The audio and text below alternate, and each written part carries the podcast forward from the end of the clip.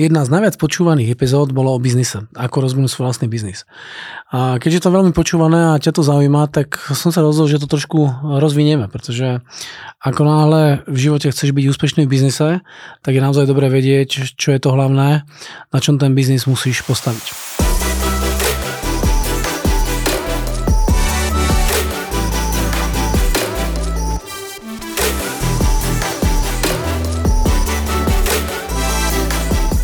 Asi jedno, či začínaš uh, svoju firmu a máš skúsenosť v danej branži. Uh, čo pracoval si ako nejaký videomaker pre nejakú firmu a teraz založíš vlastnú, vlastnú živnosť. Je to, je to možné. Alebo si skončil školu a teraz chceš roz, rozbehnúť tvorbu videí alebo podcastov alebo neviem, niečo predávať a ideš úplne od nuly. Uh, takže prvé, čo by som asi, na čo by som zameral, je mať obchodné schopnosti. Takže čo je to obchodná schopnosť? No to je schopnosť zákazníka presvedčiť, že to, čo ty robíš, má hlavu a petu a on tomu vidí tú hodnotu. Samozrejme, keď začínaš, tak bude veľmi náročné, pretože ja keď som mal svoj prvý telefonát a niekomu som išiel telefonovať, tak telefon bol taký horúci, že som nebol schopný ani zdvihnúť. Je? A keď ten zákazník eh, mi zložil, tak som bol rád, že nemusím ho zvládať, skvelé. Alebo keď to nikto nezdvihol. Takže tie začiatky sú niekedy ako také náročné, ale musíš si povedať, že proste predaj je ten základ. Vieš, mnoho ľudí akože si hovorí, Ježiš, aby ten zákazník prišiel sám, nech mi to marketing priťahne a nech si to rovno u mňa kúpi, tak spravím si e-shop. No ale tak e-shop je tiež otázka marketingu, vieš. A dneska tých e-shopov v Čechách na Slovensku sú mraky proste, mraky. Ja som niekde čítal, že Čech, Česká republika jedna z e, krajín, kde je na jedného obyvateľa najviac e-shopov. Takže ono sa to ľahko akože hovorí, ale skutočne sa tým je kopec roboty a to, že sa s niekým na niečom dohodneš, neznamená, že budeš aj úspešný. Pretože keď tie produkty chceš niekde nakúpiť, aj tam musíš byť schopný vyjednávať. Takže nákup je v podstate predaj naopak. Takže musíš vyjednať skvelé podmienky. A práve skvelé podmienky, ktoré máš v nákupe, ti umožňujú robiť lepšiu maržu. A naozaj hovorím, že tá marža z hľadiska tých peniazí je dôležitá. Dobre, takže prvé sú obchodné schopnosti. Keď nie si schopný vôbec uvažovať nad tým, že, že že nechceš predávať, lebo že vieš, máš takú úvahu, že ja by som predajca nechcel byť, tak za prvé to je lož, pretože predáva každý a za druhé mm, za druhé proste sa to musíš naučiť. Keď chceš mať peniaze a chceš robiť biznis, tak tí majiteľia, ktorí sú schopní robiť biznis, tak sú spravidla aj úspešní. Tí majiteľia, ktorí nie sú schopní robiť biznis, tak sú niekedy závislí na druhých. No a čomu sa musíš naučiť? No tak najskôr sa musíš naučiť, ako vyzerá tvoj zákazník. Kto to vlastne je? Takže keď za mnou niekto príde a hovorí, Maťo, pomôžeš mi rozbehnúť biznis? Čo mám robiť? No tak najskôr im povedz, že čo je to, čo chceš, čím sa chceš živiť. A on hovorí, no mne je to jedno. Kamo, ako ti môže byť jedno, čo chceš robiť? To nedáva zmysel. Takže mnoho ľudí, ktorí chce podnikať, tak ono to nie je o tom, že idem podnikať a teraz sa to stane. Tí úspešní ľudia sú úspešní preto, že podnikajú v oblasti, ktorú mali radi, ktoré sa vyznali, ktoré sa pohybovali proste už roky. A keď sa niekto nejaké roky v nejakej branži pohybuje, tak e, keď sa spraví potom biznis, no tak logicky bude v tom úspešný. Dobre? Tak častokrát hovorím, začni robiť to, čo miluješ a stan sa v tom ako tak úspešný, stan sa v tom proste profitabilný, stan sa v tom efektívny, stan sa, stan sa v tom uh, dobrý a keď toto, čo teraz tu hovorím, sa stane, tak e, potom môžeš pomýšľať na to, že budeš mať vlastnú firmu hľadom toho a tú vlastnú firmu potom môžeš dostať do stavu, že to bude fungovať, vieš. Takže prvá vec je, že mať naozaj jasno v tom, že kde sa nachádzaš ako človek e, v zmysle e, si na poli reštauračnom, alebo si na poli grafickom, alebo si na poli uh, multilevel nejakého produktu. Takže mám jedného klienta, ktorý bol úspešný v jednom multileveli, potom sa nejako nepohodol, skočil do druhého multilevelu a behom proste roka bol zase úspešný aj v tom druhom. Alebo ešte teraz ma napadol ďalší klient, ktorý rozbil jeden multilevel veľmi úspešný, potom druhý a tam sa nepohodol s majiteľmi z Ameriky a potom spravil tretí a, a tam sa stal jedným z naj, na, najviac expandujúcich multilevelov vôbec na svete. Ale robí to proste už 26 rokov asi. Vieš, takže už má tie skúsenosti. Ale jeho to najskôr bavilo. Jeho najskôr bavil ten multilevel.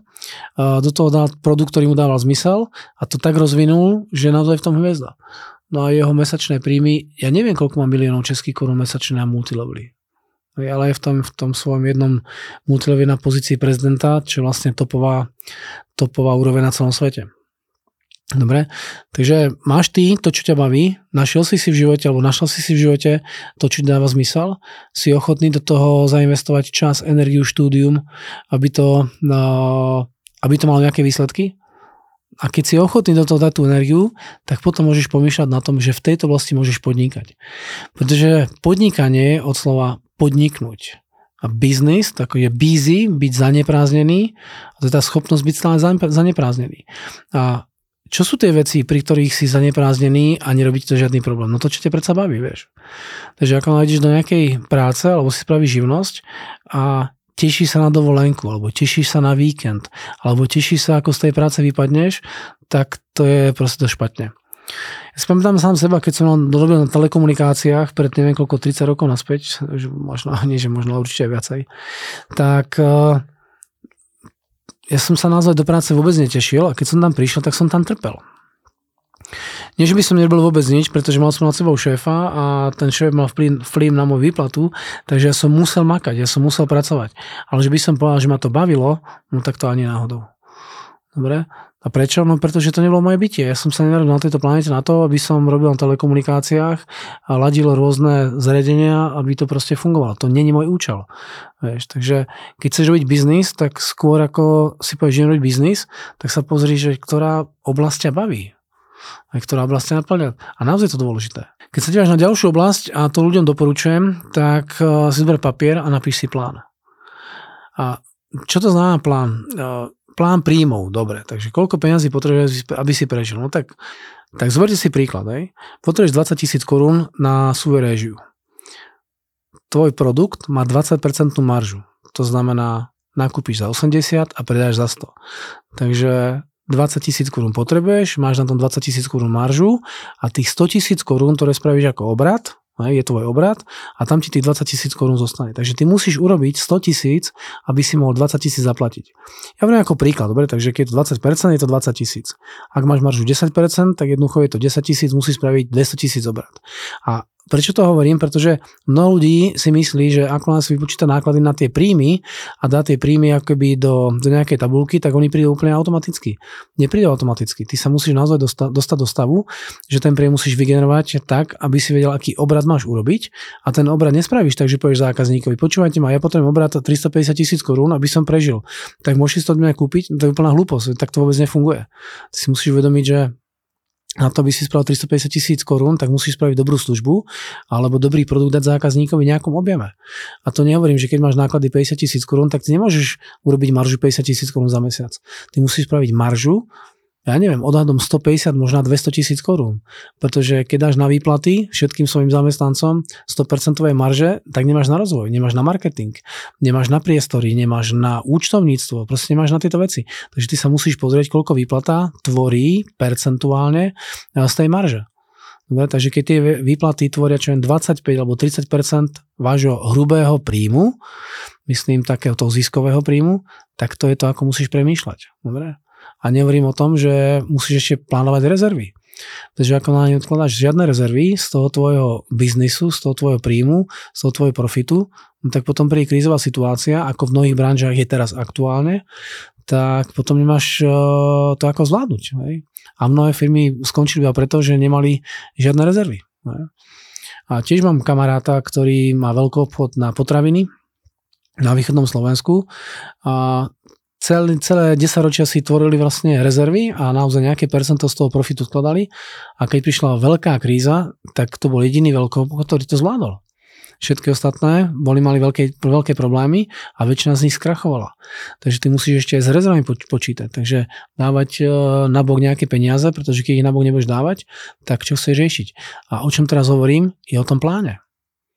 Takže zober si papier a tušku a pozri sa, koľko potrebuješ peňazí koľko percent z tých peňazí potrebuješ dať e, na nájom a na telefóny a na grafiku, počítače, licencie. Hlavne to neodrbávaj, prosím ťa, pretože to sa tak nemá a dlhodobo to nefunguje. A potom sa pozri, že koľko máš marže a aký obrat potrebuješ. No a keď sa niekedy dívam na, na tie plány, tak tie obraty sú proste na začiatku šialené. Ty musíš spraviť možná 1, 2, 3 milióny korún obratu už prvý, druhý, tretí mesiac, aby si to prežil. A keď na to nemáš, keď to ne, nevieš to takto proste urobiť, no tak musíš zmeniť taktiku. Dobre, musíš to spraviť inak. Takže vždy ten papier znesie všetko. Papier není ten problém. Ten problém je, že keď je do tej reality, tak nie každý čaká e, na tvoju chvíľu. Dobre? A ono je to aj v tom biznise, keď už niekde pracuješ, keď si na základe niečoho potom tvoríš vlastnú živnosť alebo vlastnú firmu, aj tam sú rizika s tým spojené. Ja viem, čo to bolo začať proste. Ja som už začínal trikrát vo svojom živote, trikrát som mal taký naozaj veľký reštart od začiatku. To prvý bol originál štart, potom bola prvá firma, druhá firma a naozaj to nie je úplne jednoduché sa do niečo pustiť a, a zarobiť. A keď človek dostane naozaj na výplatu 800 korún po prvom, druhom mesiaci a nemáš na zaplatenie taký tých základných vecí, poviem na že to je veľmi náročné. A na druhej strane, keď to zvládneš, tak to je skvelé, pretože mnoho bohatých, úspešných podnikateľov jeden, dva alebo trikrát dokonca skrachovali. Ale keďže mali ten drive a tú chuť a tú myšlienku v tom, čo chcú, chcú byť dobrí, no tak to proste zafunguje. Dobre, takže ty si uvedom, že ten plán rozplánovať, dať do položiek, do čísel a urobiť to v rámci tej produkcie, čo je to za služba, čo klientovi musíš dať a v akom objeme mu to musíš dať, tak to musíš vypočítať. To, čo sa častokrát človek pletie, že keď sa povie, nestačí, nestačí na hodinu mojej služby, čo je 200 korún. A to už celkom slušné, 100 ja už prežijem. To je síce pravda, ale vieš, to prežiješ ty a nie tvoja organizácia. Takže ty musíš nastaviť takú sumu za hodinovú sadzbu, aby tá hodinová sadzba pokryla všetky náklady, ktoré tam sú. A potom sa pozri, kto za to zaplatí tých možná 1000 korún na hodinu, alebo 2000 korún na hodinu. To sa musíš potom pozrieť, kto, je za to ochotný zaplatiť. A ja som si istý, že, že sa nájde naozaj aj e, človek, čo ti za to zaplatí aj 10 tisíc korún za tú hodinu. Ale koľko ich je? A to je, súvisí s tým, že keď už plánuješ, tak musíš plánovať, kto je tá tvoja cieľová skupina. Ako sa dostaneš tej celovej skupine. Ako sa ľudia rozhodujú a či vôbec ťa pustia k sebe v tej kondícii, ktoré teraz sa nachádzaš ako človek alebo ako ten biznismen. Dobre? Takže to je dôležité. Takže e, keď poviem také dve hlavné veci, musí byť niečo dobrý, aby ten biznis, ktorý na tej oblasti chceš robiť, bol úspešný. Je? Pretože keď niekde prídeš povieš, že si úplne nový, no tak tí ľudia ti veriť nebudú. Je? A druhá vec, že keď sa začneš robiť tie plány, tak uvidíš, do akej miery to reálne. Dobre? Uvidíš, do akej miery sa to dá naozaj zrealizovať. A urobiť ten, ten biznis metodou pokus omyl a utratiť uh, veľké peniaze na skúšku, či to vyjde, je pomerne veľké riziko. Hm? Naozaj, veľké riziko. Ďalší aspekt, ktorý súvisí s tým, že potrebuješ operovať na faktoch. A ako náhle sú to vzdušné zámky, ktoré síce pekne vyzerajú na papieri, alebo keď to niekomu hovoríš, tak dokážeš človeka natchnúť, tak e, to akože pekné, ale keď sa dívam ja na seba ako na prípadného investora do tvojho biznisu, tak na rovinu poviem, že keď nemáš fakty, na ktoré sa môže človek spolahnuť, tak ti poviem hezká pohádka, pretože fungujem v Čechách. Takže ja vôbec nefrčím na pohádkach, e, ale frčím na faktoch. A ty musíš ukázať, kde ako ten biznis si schopný naozaj vygenerovať a naozaj ma už aj bude zaujímať, aké výsledky si dosiahlo. A keď danej branži nemáš e, žiadne skúsenosti, žiadne výsledky, tak sorry, ty ma nepresvedčíš. Byť tá myšlienka môže byť dobrá. Hej. Hovorím to ako, tak trochu úprimne, že mnoho ľudí hovorí, mám skvelú myšlienku a potreboval by som na to peniaze, ale tie peniaze dám iba vtedy, keď vidím naozaj skutočnú návratnosť. A keď pôjdeš do banky, tak sa spýtaj banky, či dajú peniaze. No a keď ti banka nie je ochotná dať peniaze, no tak prečo by ti mal dať peniaze niekto iný? Banky majú tvrdé kritéria na to, komu peniaze dajú alebo nie. A treba povedať, že banky majú obrovské prachy.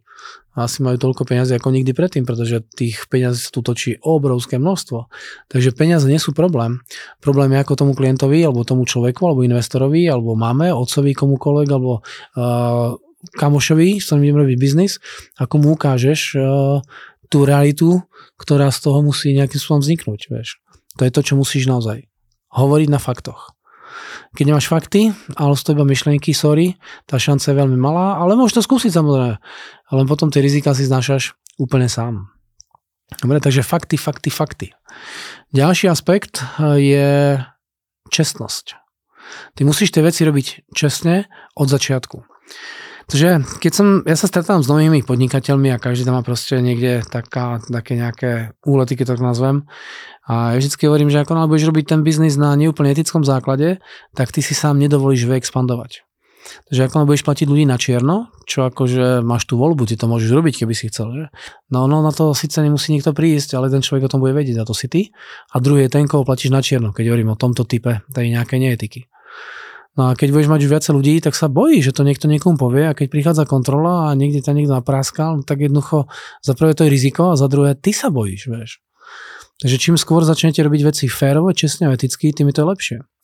No a čo to tá kvázi netýka, no tak jedna z tých definícií je neoptimálne riešenie problému. Takže nechcem platiť zbytočne dane, štátu nedám vôbec nič, síce nechcem ten servis, ale nedám mu vôbec nič, tak, eh, tak on mi dá, nedáva nič. Akože ti nedáva nič? Dáva ti zázemie, proste môžeš podnikať veľmi rýchlo. Prídeš na živnostenský úrad a behom de facto pár dní môžeš mať živnosť a môžeš začať podnikať. A to je systém, že? Takže preto treba niekedy platiť za niektoré veci a tá férovosť v tom platení aj tomu štátu je dôležité. Chápem na to je veľa iných názorov, ja tomu rozumiem, ale viem, že dlhodobý biznis sa musí robiť naozaj férové. Ako náhle to robíte tak, tak nie je úplne čisto, tak uh, nedobre spávaš a máš takú obavu a keď sa niekto na niečo príde a sem tam učím, ale na to sa nemá ako prísť. Viem, ako vieš. Ty sa prásneš sám alebo nevyrastieš. Dobre, takže tá férovosť a čestnosť je ďalší kľúčový aspekt toho úspechu. Uh, rob to čestne. Čo je to čestná uh, robota? Tak to je taká robota, že keď sa ťa niekto pýta, ako si to robil, tak ty môžeš normálne na to odpovedať. Normálne, dobre? Včera som bol tam, robil som toto, toto a toto a je to verejná vec keď sa ťa spýta tvoja partnerka alebo tvoj partner, že kde si bol alebo kde si bol včera, tak povieš, bol som s, s kolegyňou na káve. Prečo si môžeš dovoliť svojej manželke povedať, že si bol na káve s kolegyňou? No pretože tá káva bola pracovná. Pretože tá káva bola akože normálne ako legálna, nikomu to nevadí. Ako na tá káva bola trošku s takým, viete, to flow takéto sexuálne, že vieš, kolegynku som trochu balil, tak to už nemôžem potom hovoriť, že? Takže keby sa to žena dozvedela, tak mám doma proste peklo, alebo mám prúšvih, alebo ma sa s možno rozvedia a tak ďalej. Takže preto je dôležité aj v tom biznise robiť veci, ktoré, ktoré sú férové. Dobre? Takže to sú také štyri, eh, by som povedal, také základné aspekty, ktoré keď začiatočník ide do niečo robiť, tak eh, musí byť funkčné. Dobre, za prvé, buď tom dobrý a rob podnikanie v tom, čo ťa už baví a v čom si dobrý. Za druhé, sprav si plány, za tretie, keď to budeš niekomu prezentovať, tak vychádzaj z faktov a nie z myšlenok, ktoré sa ti páčia, ale reálne fakty. Ma teraz napadlo fakty marketingového prieskumu, dobre? Takže keď za mnou príde s nejakým, s nejakým nápadom, tak sa spýtam, čo na to hovorí trh. A sem tam ľudia hovorí, to vyjde. to ti kto povie, že to vyjde? No nie, to, to je logické, to vyjde. Na základe čo ty tvrdíš, že to vyjde? A keď povieš na základe prieskumu, tu mám 4 otázky, ktoré som položil uh, 2680 ľuďom dohromady, dobre, takže tu 200 ľuďom, tu 300 ľuďom, tu také celé skupine a teraz to vypadli naozaj tieto informácie, tieto kľúčové slova, uh, tieto formy rozhodovania, no tak potom sa môžem baviť o tom, že mám nejaké fakty a dá sa s tým ako tak operovať. Dobre? Takže to je tá tretia vec, ktorá tam musí byť. A dajte pozor na tú férovosť, pretože dlhodobo sa nedá robiť biznis neeticky. Jednoducho to nejde. A ja som fakt ako konzultoval mnoho biznisov a tam, kde sa to tak trošku odrbáva, tak čo ti mám povedať? Ľudia sú z toho vyčerpaní, unavení a boja sa expenzie, ako som už to dneska viackrát povedal. Dobre, takže keď chce začať, tak asi tuto by som sa v prvom rade do toho pustil z hľadiska toho obchodu a trošku toho marketingu. Tak držím palce, no a keby ste chceli trošku viacej o tom, tak mám workshopy, ktoré sa naozaj zameriavajú na to, ako biznis rozbehnúť, zorganizovať a nastaviť, ale to už potom viacej osobne alebo do Instagramu na IG do správy. Tak sme krásne, držím ti palce, čau čau.